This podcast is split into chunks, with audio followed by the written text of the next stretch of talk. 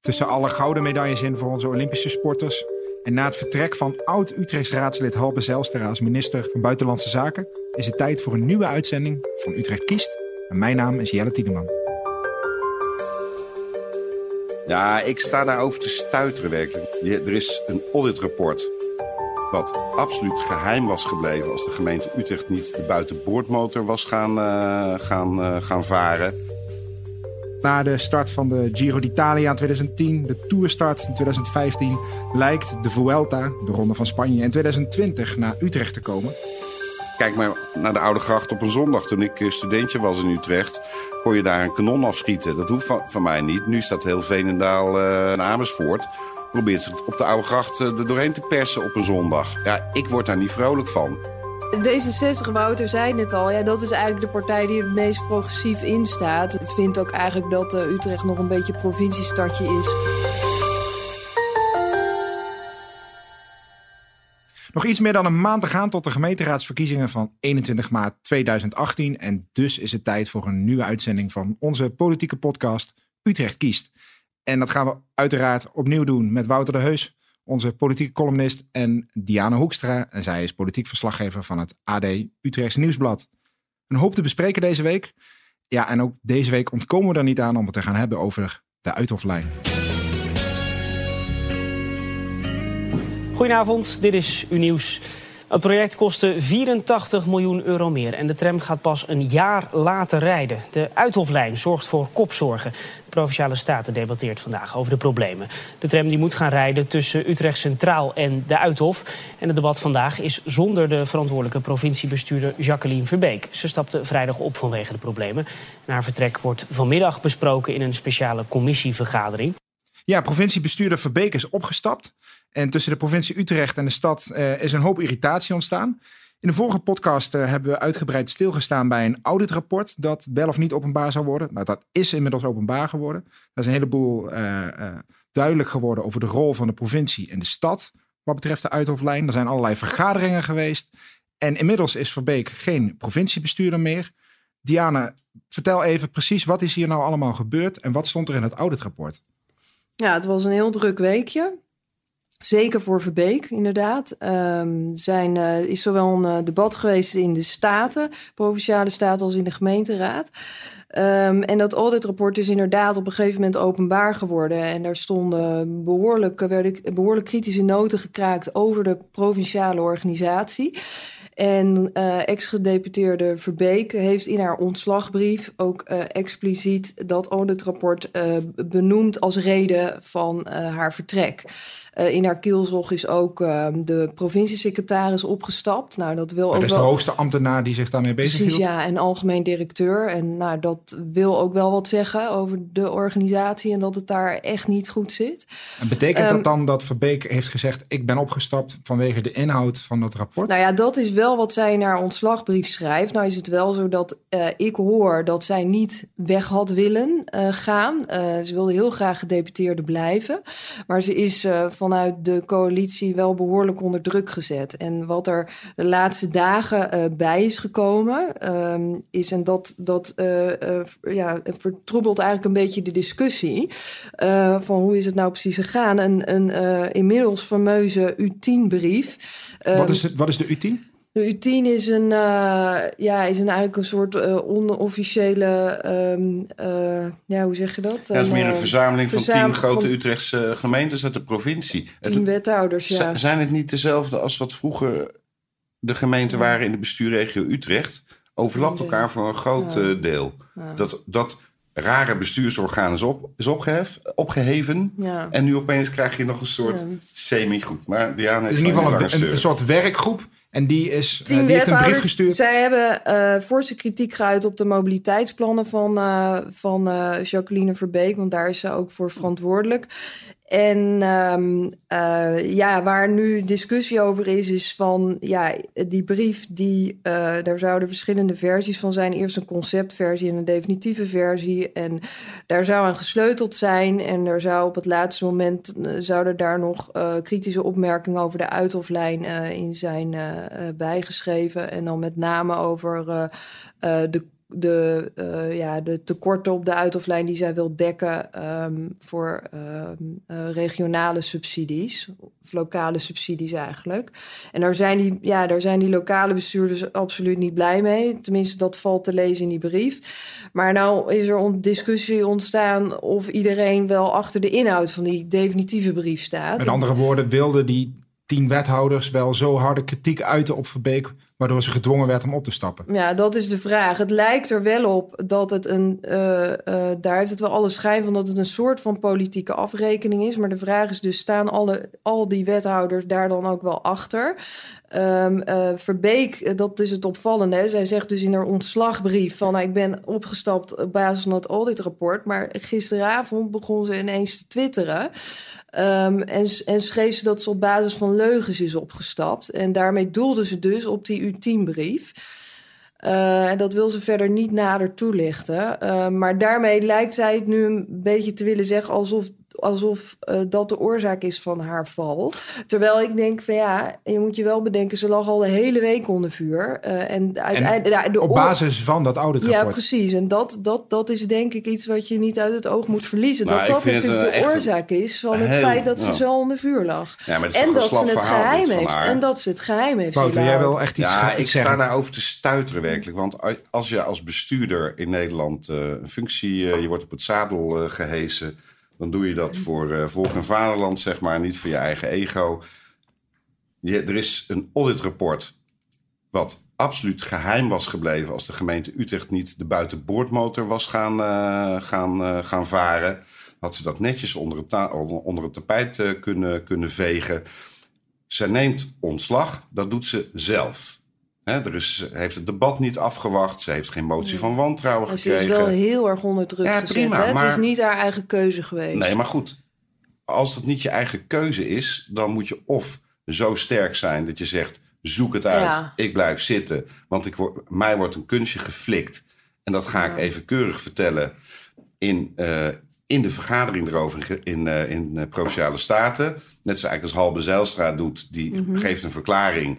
En die die, uh, dat mag, hè? En dan stap je op voor een debat. Had ze ook kunnen doen. Van jongens, ik uh, trek het niet. Had ze niet dat, dat, dat hele debat hoeven afwachten. Had ze ook geen motie van wantrouwen aan de broek gehad. Dat vind ik dat je doet. Als je dan in een ontslagbrief opschrijft... dat auditrapport uh, is te, te, streng voor me geweest. Ik stap op. Dan moeten we daarvan uitgaan. Schrijf er zelf op. Ja. Moet ze niet een week later komen gaan twitteren met leugens. Ja. En dan Komt er ook nog een keer, komen er allemaal ingezonden brieven van, uh, van haar goede vriend uh, Bernard Tomlo. Uh, met allerlei inside information. Die, die bekritiseert de media dan ook nog een keer. Dat wij niet verder doorzoeken. Dat mag hij doen, vind ik prima. Maar hij komt met informatie waar we als media nooit achter kunnen komen. Want het is één op één oplepelen wat zijn vriendin uh, Jacqueline ja. Verbeek uh, zegt. Ja, het opmerkelijke is natuurlijk dat zij nu uh, GroenLinks en D66 um, beschuldigen van politieke spelletjes. Maar het lijkt erop alsof ze daar in ieder geval, als het al zo is, dat nu zelf ook doen. Even terug naar de inhoud. Um, in dat auditrapport, laat ik het anders zeggen de uithoflijn gaat veel meer geld kosten dan uh, aanvankelijk de bedoeling was. Er is weer vertraging. Um, en in dat auditrapport wordt heel erg gewezen naar de provincie. Maar valt de stad Utrecht ook iets te verwijten? Is het terecht dat zij buitenschot uh, uh, ja, lijken te blijven? Nee, uh, ja, nou ja, nee, niet helemaal. Want ook de gemeente Utrecht heeft een verantwoordelijkheid daarin. vanuit de provincie hoor ik dat ze, als het gaat om verantwoordelijkheden, is het gewoon 50-50. Uh, maar je ziet hè, als het gaat om de kostenverdeling dat de provincie wel degelijk veel meer bijdraagt aan, aan die tekorten. Um, maar ja, Lot van Hooijdonk... Uh, dus de wethouder verkeer. Wethouder, precies. En, en Victor Everhard. Die, wethouder stationsgebied. Ja, er zijn bij de gemeente ook wel, wel fouten gemaakt. Um, met name in het stationsgebied. Wat voor die vertraging heeft gezorgd. Maar nee, gekke maar, vraag dan misschien. Waarom, waarom zijn zij dan nog wethouder?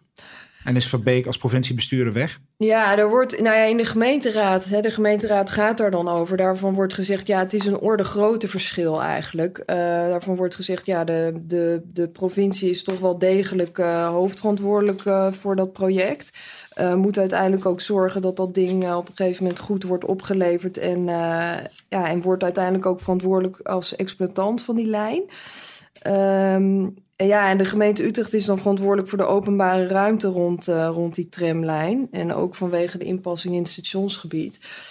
Um, maar ja, het, het, het, is... Maar zou de gemeenteraad in Utrecht dan ook niet misschien veel strenger daarop moeten zijn... dat die wethouders daar ook meer aan gaan doen? Nou, ze mogen wel... De gemeenteraad mag zeker streng zijn. Dat, dat bijvoorbeeld de projectorganisatie Stationsgebied... heeft ook een aantal bokken geschoten.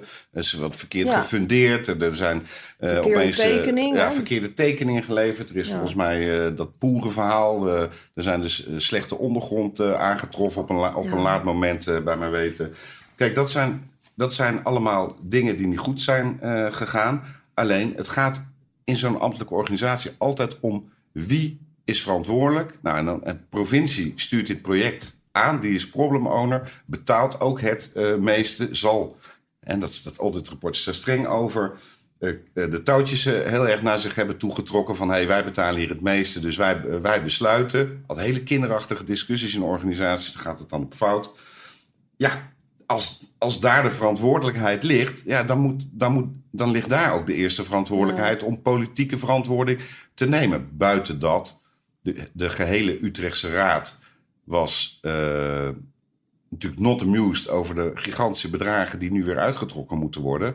Maar die gaven hè, 45 raadsleden ook niet een rode kaart of een gele kaart aan die wethouders. Dan hoeven ze ook niet weg. Ja, dat is de politiek. Alleen Kees Bos kwam met een motie van afkeuring. Wie is Kees Bos? Uh, van Stadsbelang Utrecht, lokale partij. Werd alleen gesteund door zijn eigen partij. Ja, precies. Nou ja, dus, dus, ja, dus uh, maar, maar ja, andere woorden, de kritiek op de, die wethouders viel reuze mee. Ja, maar ja, het wat wel dus interessant is, want dat, daar gaat nu ook even de discussie uh, om rondom die U10-brief waar we het net over hadden, is van de vraag van ja, dat auditrapport heeft er in zekere zin wel voor gezorgd dat uh, uh, Verbeek die week, afgelopen week, heel erg onder vuur lag en waarschijnlijk dus uiteindelijk ook is opgestapt. Maar was dat rapport ook openbaar geworden als er geen verkiezingen in aantocht waren en als... Geef het antwoord maar. Nou ja, kijk, ik, ik vraag me dat wel af, want GroenLinks en D66 hebben daar samen met de SP, die daar heel zuiver in zit en echt voor openbaarheid is. Maar goed, GroenLinks en D66 hebben een eigen wethouder die daarbij betrokken zijn. Uh, zij hebben daar behoorlijk op gehamerd dat dat werd geopenbaard. Ja, ik vraag me af, hadden ze dat ook gedaan als er geen verkiezingen in aantal waren geweest? en hadden ze het ook gedaan als er wel heel veel kritiek werd geuit op de gemeente Utrecht? Politiek is zo opportunistisch wat dat nou betreft. Dus ik, ik deel de mening van, of het, hè, de, de analyse van Diana volledig. SP zit daar volstrekt zuiver in. Uh, Michel, Michel Eggermond uh, vooral, die, die wilde dat openbaar... omdat er geen gronden waren in de wet openbaar bestuur... Uh, om het geheim te verklaren. Had D66 en GroenLinks dit rapport absoluut onder de pet willen houden... hadden zij gezegd, wij zien dat anders... en was die zaak gewoon geheim gebleven. De Utrechtse gemeenteraad heeft dan geen wethouders weggestuurd op dit dossier. Mocht straks blijken dat het echt klopt dat Lot van Hooijdonk eh, de wethouder in Utrecht en Kees van Dalen, CDA-wethouder in Houten, een conceptbrief hebben aangevuld en aangepast en definitief gemaakt in, met hun tweetjes en die naar Verbeek hebben gestuurd, dan vind ik dat de Utrechtse gemeenteraad er nog even hard over moet praten. Want dat zou echt een hele gênante vertoning zijn.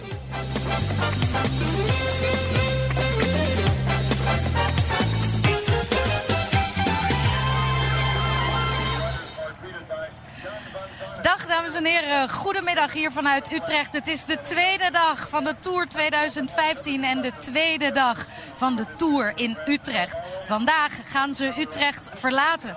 Ze gaan uh, naar Zeeland rijden. De finish is straks op de Neeltje Jans. Hier ja, je hoorde hier Dionne de Graaf, anker van uh, eh, NOS Studio Sport. En ze vertelt dat het Tourpeloton Utrecht weer gaat verlaten. Maar er gaat hoogstwaarschijnlijk weer een nieuw peloton de stad bereiken. Want na de start van de Giro d'Italia in 2010, de Tourstart in 2015, lijkt de Vuelta, de Ronde van Spanje, in 2020 naar Utrecht te komen. En daar moeten we natuurlijk wel voor gaan betalen. En daar lijkt niet iedereen blij mee te zijn. Diana, jij hebt hier deze week over geschreven. Um, en als ik mij niet vergis, zijn de twee grootste partijen, D66 en GroenLinks, die denken daar verschillend over. Ja, ja, het is wel weer een interessant verschil tussen de twee grootste partijen van de stad. Um, zie je steeds meer uh, richting de verkiezingen dat er uh, toch wel verschillen zijn tussen die partijen. Soms wordt er wel eens gezegd het is lood om oud ijzer. Maar die verschillen zijn er wel. Namelijk, ja, eh, D66 zegt van uh, hartstikke leuk, laat maar komen. Is ook goed voor de stad. Uh, geeft de economie een boost. Zet Utrecht, zet, goed op de zet. Utrecht op de kaart. Want, Ehm, als ik dan nog even mag, als die Vuelta naar Utrecht komt, is Utrecht de eerste stad in de wereld die de drie grootste wielerrondes Mhm. eh, binnen de stadsgrens Ja. heeft gehad. Ja, dat is wel bijzonder. Nou ja, D66 is er ook voorstander van om dat soort internationale sportevenementen naar de stad te halen. Eh, nou ja, die hebben daar dan ook wel wat geld voor over. En natuurlijk moet daar kritisch naar gekeken worden. Maar GroenLinks die zegt. Eh, nou ja, eigenlijk liever niet. Ehm, eh, eh, er gaat toch waarschijnlijk een aantal miljoenen moeten, we, moeten gemeenten daarvoor uitgeven. Zij zeggen dat willen we liever aan, aan armoede uitgeven, bijvoorbeeld. Of, of de woningmarkt in Utrecht. Dat, dat zijn problemen die zij veel belangrijker vinden dan twee dagen feest in de stad. En volgens mij zijn ze ook bang dat net als bij de toerstart... er uiteindelijk nog een stuk ongedekte check ligt... wat dan Ja. eh, hè, bovenop... Ja. Is het weer Ja. 4, 4 miljoen geloof ik? In hè? totaal, provincie en de gemeente gaan ongeveer dat bedrag eh, Ja, samen bij elkaar ja, de gemeente heeft dus nu al 1,3 miljoen gereserveerd. Gereserveerd. En waarschijnlijk komt daar, ja, komt daar nog wel bij van Ja. enkele tonnen. Ja, eh, ik denk we. dat maar, het weer eh, 5 miljoen gaat worden, 2,5, eh 2. maar die zorg voor naheffing, dat, dat, eh, dat zit wel bij meer partijen. Ja, dat Ook, zit bij meer partijen. Dat, dat ook mag de, ook wel. de VVD, Want- CDA zijn Want in heel kritisch op. 2015 kostte de toerstart alles bij elkaar zo rond de 16 miljoen. Zou de stad Utrecht 7,5 neerleggen en de, de partijen, andere marktpartijen de helft. Maar dat bedrag dat Utrecht moest betalen werd aan het eind toch iets hoger. Nee, Ja. Utrecht zou 5 miljoen bijdragen. En dat was eh, gefixt, gefixeerd. Nou, Jelle schudt van nee, we zullen het ook nog even over hebben. Dat werd hoger. Eh, het was natuurlijk een geweldig eh, eh, fenomeen. Ja, want dat vind ik wel even leuk. Jij was eigenlijk helemaal niet zo'n voorstander van die nee, nee. toekomst. Ik ben, nooit, ik ben, eh, ik ben nooit, als, als, als er echt bezuinigd wordt, en dat werd ook in Utrecht, op geld voor, eh, hè, voor, de, voor de slechte wijken of voor mensen in een achterstandspositie, vind ik het bijna gênant om gewoon even 5 miljoen neer te lappen voor een feest van twee dagen. En daar, daar sta ik op zich nog steeds achter. Alleen natuurlijk, als je er met je neus in zit, ja, dan is het een geweldig feest. Ik bedoel, dat, dat Het was natuurlijk ook wel iets meer dan twee dagen. Hè? De aanloop was Het- het- enorm. Ja, het, het zat volgens mij goed in elkaar. De, de dingen waar ik geweest ben. eh, ja, iedereen liep inderdaad dagenlang met een hele grote big smile op zijn waffel door de stad eh, heen. En die is er een jaar niet afgeslagen eh, gekregen, zeg maar. Ik weet niet of hetzelfde effect wordt bereikt met een, eh, met een ronde als de Vuelta. Dat is toch een beetje de, de, de, de kleinste van de drie grote eh, rondes. Nou is het Ja, wel dat zo we- dat, dat de Vuelta onderdeel is van dezelfde eh, organisatie als de Tour. Van De ASO. ASO. Precies. en, eh, een ASO's. dus de, de Ronde van Spanje wordt ook steeds professioneler. En wat meespeelt in 2020 is dat de Olympische Spelen eh, al afgelopen zijn als de Vuelta gaat beginnen. Dus alle wereldtoppers komen dan naar Utrecht. En de Vuelta heeft zich veranderd op de kalender. hè? Die zat toch altijd in het voorjaar? Ben ik nou Ja, heel vroeger. Heel Ja. vroeger. Nou, Tegenwoordig is het de koers heel oud, aan het einde van het jaar. Ja, Maar de Utrechtse politiek zegt ook, nou, eh, de Tour was echt een superleuk feestje. Daar hebben we heel veel van geleerd. En als de Vuelta inderdaad naar Utrecht komt... dan gaan we die dingen die we toen hebben geleerd... eh, en de dingen die ons goed zijn bevallen, gaan we nu weer doen. En eh, de meeste partijen zijn er dan ook voor om in de aanloop... naar, naar het daadwerkelijke weekend waarin het plaatsvindt... natuurlijk heel veel activiteiten te organiseren in de stad voor jong en oud. zou door- dus eigenlijk het zou is het meer dan twee zijn- dagen ja. dan eigenlijk. Eigenlijk zou het zonde zijn als je die, die ervaring die je hebt opgebouwd met de Tour... als je die niet nog een keer aanwendt. Eh, Ja. Utrecht heeft laten zien dat ze het fantastisch kan. Ja, ik blijf het toch een hoop geld vinden. En ik, ik, dus ik, ik kan die argumenten van, eh, van partijen billiken van moet je dat nou wel doen. Ik zit er toch wel iets genuanceerder in dan eh, een paar jaar geleden. Dat ik denk van ja, je mag ook af en toe... als het gaat om een goed feest, mag dat ook wat kosten. Liever dan al die miljoenen die zijn gaan zitten in bidbooks voor Europese hoofdstad van eh, Europa en voor de Vrede van Utrecht met eh, verschrikkelijk veel geld. Dus als je een feestje organiseert, Ja. doe het dan goed. Doe het dan goed en dan mag het beste Vuelta zijn. En nu is het ook weer interessant om te weten, ja, wie wordt de grootste, D66 of GroenLinks? Die heeft hier misschien ook wel het meest over te zeggen straks. Hoewel Helene de Boer wel heeft aangegeven Ja, dat, het de- geen dat Wie is dat, Helene Boer? Helene de Boer is de lijsttrekker van GroenLinks. Ehm, ze zegt niet op voorhand dat het een breekpunt is, maar Kijk. Met andere woorden, in 2020 fietsen in Utrecht. kans is heel groot. Dan. Kans is groot. Bijbouwen is hard nodig in Utrecht, want het aantal inwoners stijgt de komende jaren hard. In 2030 wonen er in de Domstad zo'n 413.000 mensen. Utrecht is populair. Utrecht ligt centraal. Uh, dus uh, of je nou in Den Haag of in Arnhem uh, werk hebt, hier woon je eigenlijk altijd wel prima. Heel veel voorzieningen. mensen stellen prijzen op grootstedelijke voorzieningen. Je zit vlakbij een spoorwegknooppunt. Sterker nog, je zit vlakbij het spoorwegknooppunt. Ja, we hoorden hier uh, SP-wethouder Paulus Jansen van Wonen vertellen waarom Utrecht zo'n fantastische stad is om in te wonen. En misschien is uh, de groei van de stad Utrecht wel het thema van deze gemeenteraadsverkiezingen. De groei van de stad Utrecht gaat zelfs uh, nog veel harder dan een paar jaar geleden gedacht. in 2025 zouden er zelfs al meer dan 400.000 inwoners zijn. Maar de vraag is, kan de stad die groei eigenlijk wel aan? En moet de stad dat eigenlijk wel willen? Wouter, kun je die groei eigenlijk wel tegenhouden? Kun je daar iets aan doen? Je kan er altijd iets aan doen. Als je als, je als eh, gemeente dat niet wil, kan je nou gewoon geen bouwplannen indienen. Gaan we geen bestemmingsplannen aannemen. Zo zit een stad overigens niet in elkaar. Uh, een stad wil altijd. Er is altijd dynamiek. Teruggang is, is slecht, economisch slecht. Dus dat Utrecht groeit, snap ik ook. Maar zit er geen grens aan? Nou, in principe zit er nooit een grens aan. Maar zou Utrecht een grens moeten hebben? Utrecht moet verstandig omgaan met die groei. En ik vind dat het uh, in onze politiek vaak een soort uitgangspunt is. Uh, bij, bij partijen als D66 zie ik dat heel erg. halleluja, groeien, dit, dat, zo, zo. Je moet het wel slim doen, want we kunnen niet... Hè, de stad Kijk, kijk maar naar de Oude Gracht op een zondag. Toen ik studentje was in Utrecht, kon je daar een kanon afschieten. Dat hoeft van, van mij niet. Nu staat heel Veenendaal uh, en, uh, en, uh, en Amersfoort probeert zich op de oude gracht eh, er doorheen te persen op een zondag. Ja, ik word daar niet vrolijk van. Ik ging met mijn baby lekker wandelen in het kinderwagentje. Woon ik op het Azuurterrein. Zo, nieuwe gracht, oude gracht. Niemand. Ja, dat is heel anders. Die zondagen die zijn er niet meer. En dan ben ik geen uh, christen. Dus uh, het gaat mij niet om de, rust. Maar die rust in de stad, dat maakt zo'n middeleeuws centrum zo geweldig. Dat is helemaal voorbij. Nou, we hebben, we hebben te maken met een bepaalde hoeveelheid infrastructuur. We hebben te maken met een bepaalde hoeveelheid schone lucht. We hebben met allemaal factoren te maken. Dat betekent groeien zal. Dat is een, dat is een dynamiek die, die gaat overstijgt ons allemaal. dus je kan ingrijpen, maar dan wordt het een soort CCCP-politiek. Ben ik helemaal niet voor. Maar je zal wel moeten denken: als je dan groeit, wat voor faciliteiten heb je dan nodig? Toen wij Leidse Rijn, nou, daar woon ik vanaf het begin al 20 jaar dit jaar. Uh, werden er wel huizen gebouwd, maar, geen, maar scholen, dat denderde er vijf jaar achteraan. Buslijnen waren er niet. dus het is een compleet pakket. Dus huizen bouwen kan iedereen, maar het gaat dan om een samenleving bouwen. Als dat hand in hand gaat, ja, dan kunnen we groeien, maar niet zo, Eén kan niet zonder het ander. Diana, in de uh, verschillende verkiezingsprogramma's en hoe de partijen denken over de groei van de stad, kun je heel goed de, de verschillende overeenkomsten zien.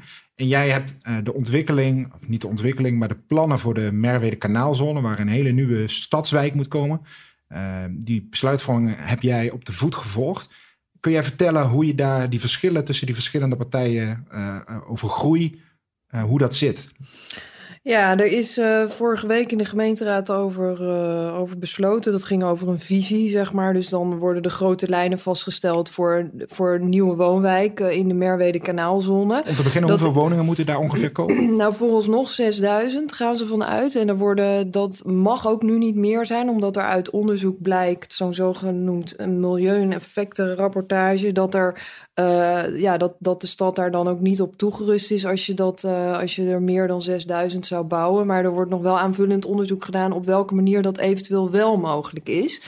Uh, maar op dit moment uh, kan dat dus niet. Uh, en ja, hebben ook bijvoorbeeld de provincie en Rijkswaterstaat gezegd van ja, de plannen getuigen van weinig realisme, omdat het vanwege de infrastructuur rondom onder meer de meubelboulevard gewoon heel lastig gaat worden. Oké, okay, dus 6000 dus woningen. Vooralsnog, ja. En die partijen, hoe, hoe, zien, hoe zitten die verschillen en die overeenkomsten, hoe zien die eruit?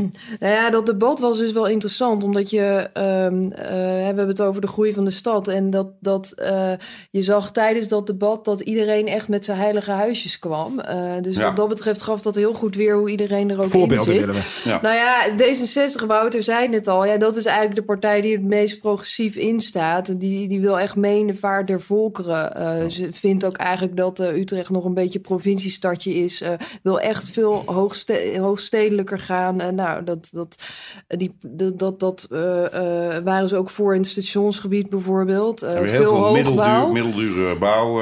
Ja, middeldure huur is hun, hun, hun stokpaardje. Ja, stokpaardje. Eh, ook van het CDA trouwens. Ehm, dus huur, middeldure huur en betaalbare koop, moet ik zeggen. Ehm, CDA staat er alleen wel weer veel behoudender in. eh, ja, die is veel conservatiever. Die, die zeggen Niet meer dan van- 6000. Nee, nee. Stadsbelang Utrecht zijn niet meer dan Nee, 6000. nee, klopt. Partij van de Dieren uiteraard, Uiteraard. niet. En GroenLinks, die, want ja, er wordt nu dus nog een aanvullend onderzoek gedaan om te kijken van in hoeverre je eventueel wel meer woningen daar zou kunnen realiseren. En veel van, veel van de partijen wachten dat ook af. Maar is het Ehm, gek om te zeggen dat bijvoorbeeld de, de linkse partijen zeggen... doe maar rustig, niet zo snel en niet zoveel? Ja, ik denk dat je die scheidslijn niet zo kunt trekken. Want ja, bij GroenLinks is het niet helemaal duidelijk hoe ze nou, ja, hoeveel woningen ze nou precies willen. Maar zij zeggen bijvoorbeeld wel, het is wel belangrijk als, je, als het gaat om de groei van de stad, dat je bijvoorbeeld eh, in ieder geval in de stad ruimte maakt. Dus ze willen niet buiten de stad bouwen. Hè? Ja, dat was Ehm, duidelijk. dus, Eh, eh, GroenLinks ja. die zegt dan van... joh, we, we, we, we kunnen hier echt wel bouwen. Tuurlijk moeten we over rekening mee houden, dit en dat. Want er moet natuurlijk uiteraard duurzaam gebouwd. Het moet eh, nul op de meter woningen of zelfs energie opleveren. Maar dan hoeven we niet in Rijnenburg... hoeven we niet het laatste groen van de stad ook nog op Te gaan eten. Luister jij deze podcast nou via ad.nl, maar wil je hem eigenlijk ook gewoon in je mobiele telefoon hebben? Nou, dat is heel makkelijk. Als je een iPhone hebt, zoek even de podcast-app en zoek op Utrecht Kiest en abonneer je direct, want dan komt de volgende podcast gewoon automatisch in je app en kun je altijd luisteren waar en wanneer je maar wil. Mocht je een Android-telefoon hebben, download dan even de app Stitcher. Dat is namelijk de beste app voor een Android-telefoon. En zoek ook dan even op hashtag Utrecht kiest, want dan loopt de volgende uitzending gewoon in je telefoon.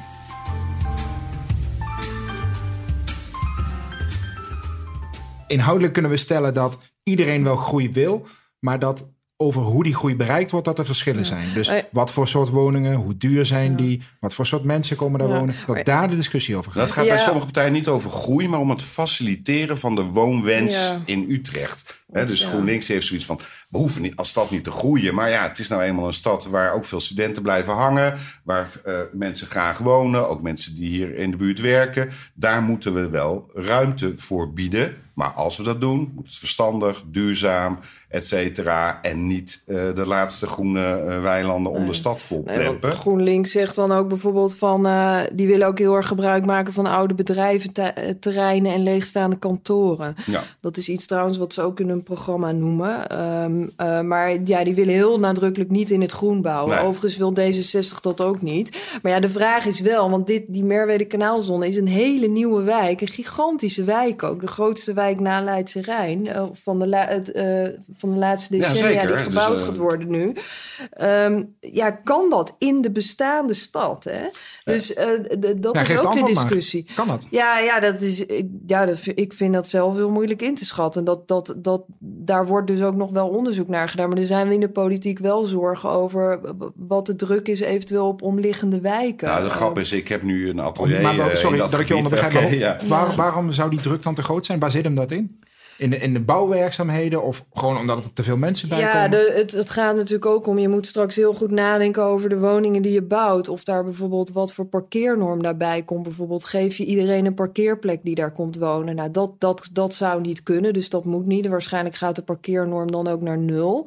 Dat betekent dat, eh, ja, dat je daar dus dan als bewoner niet eh, je auto kan neerzetten. Maar ja, wat gebeurt dan? Gaan die auto's dan, eh, komen die dan terecht in omliggende wijken? En, maar ja, ook al heb je geen vraagstukken. Auto, je krijgt misschien mensen op bezoek, familie. Eh, hoe komen die daar dan? Nou, dan is het En- vooral volgens mij parkeren op eigen terrein. Dus er moet een gebouwde parkeer Ja. eh, zijn en niet op eh, openbaar terrein. Hè. Dus de, de- dat is een hele maar zijn er grote bijvoorbeeld discussie. Ja, maar- parkeergarages ingetekend? Nou, onder, onder eh, appartementsblokken wil men dan parkeren, parkeren onder de grond. En dat hoort dan bij een appartement. Maar het ging bijvoorbeeld, wat ik interessant vond...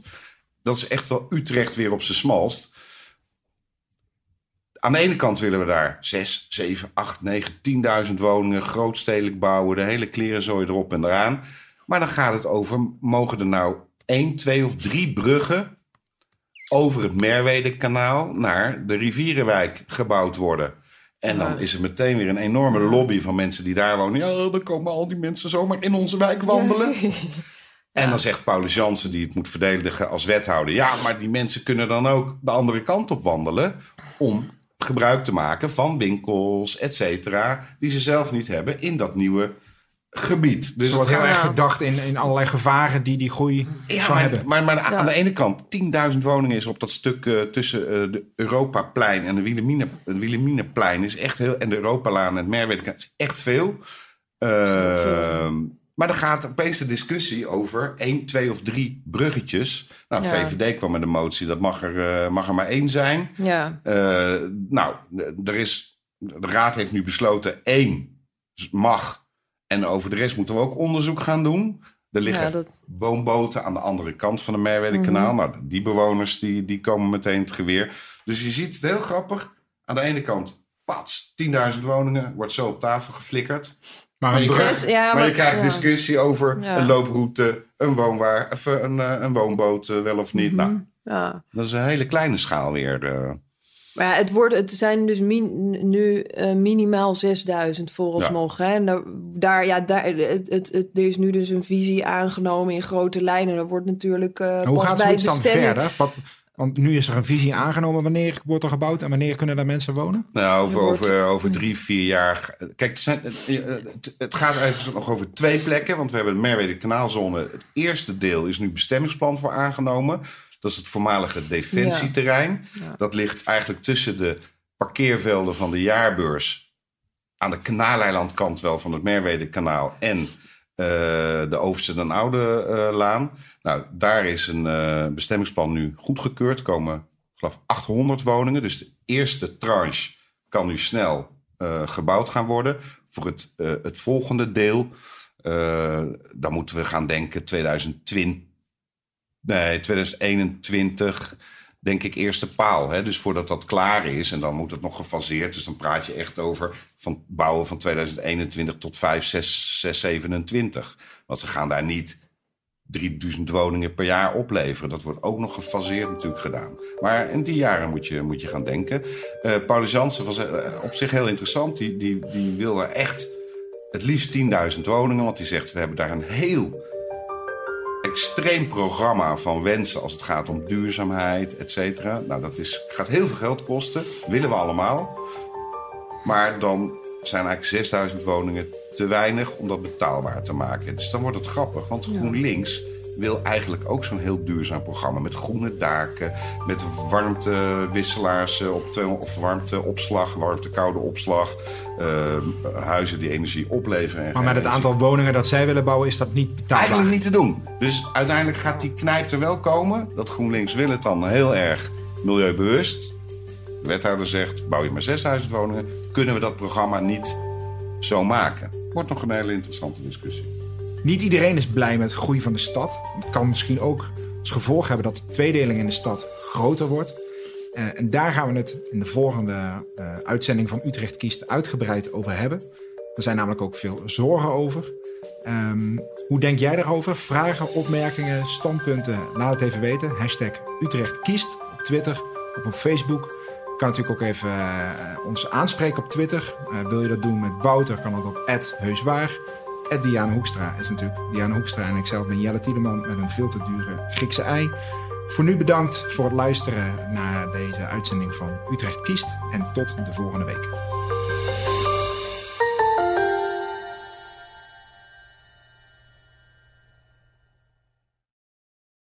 Hey, ja.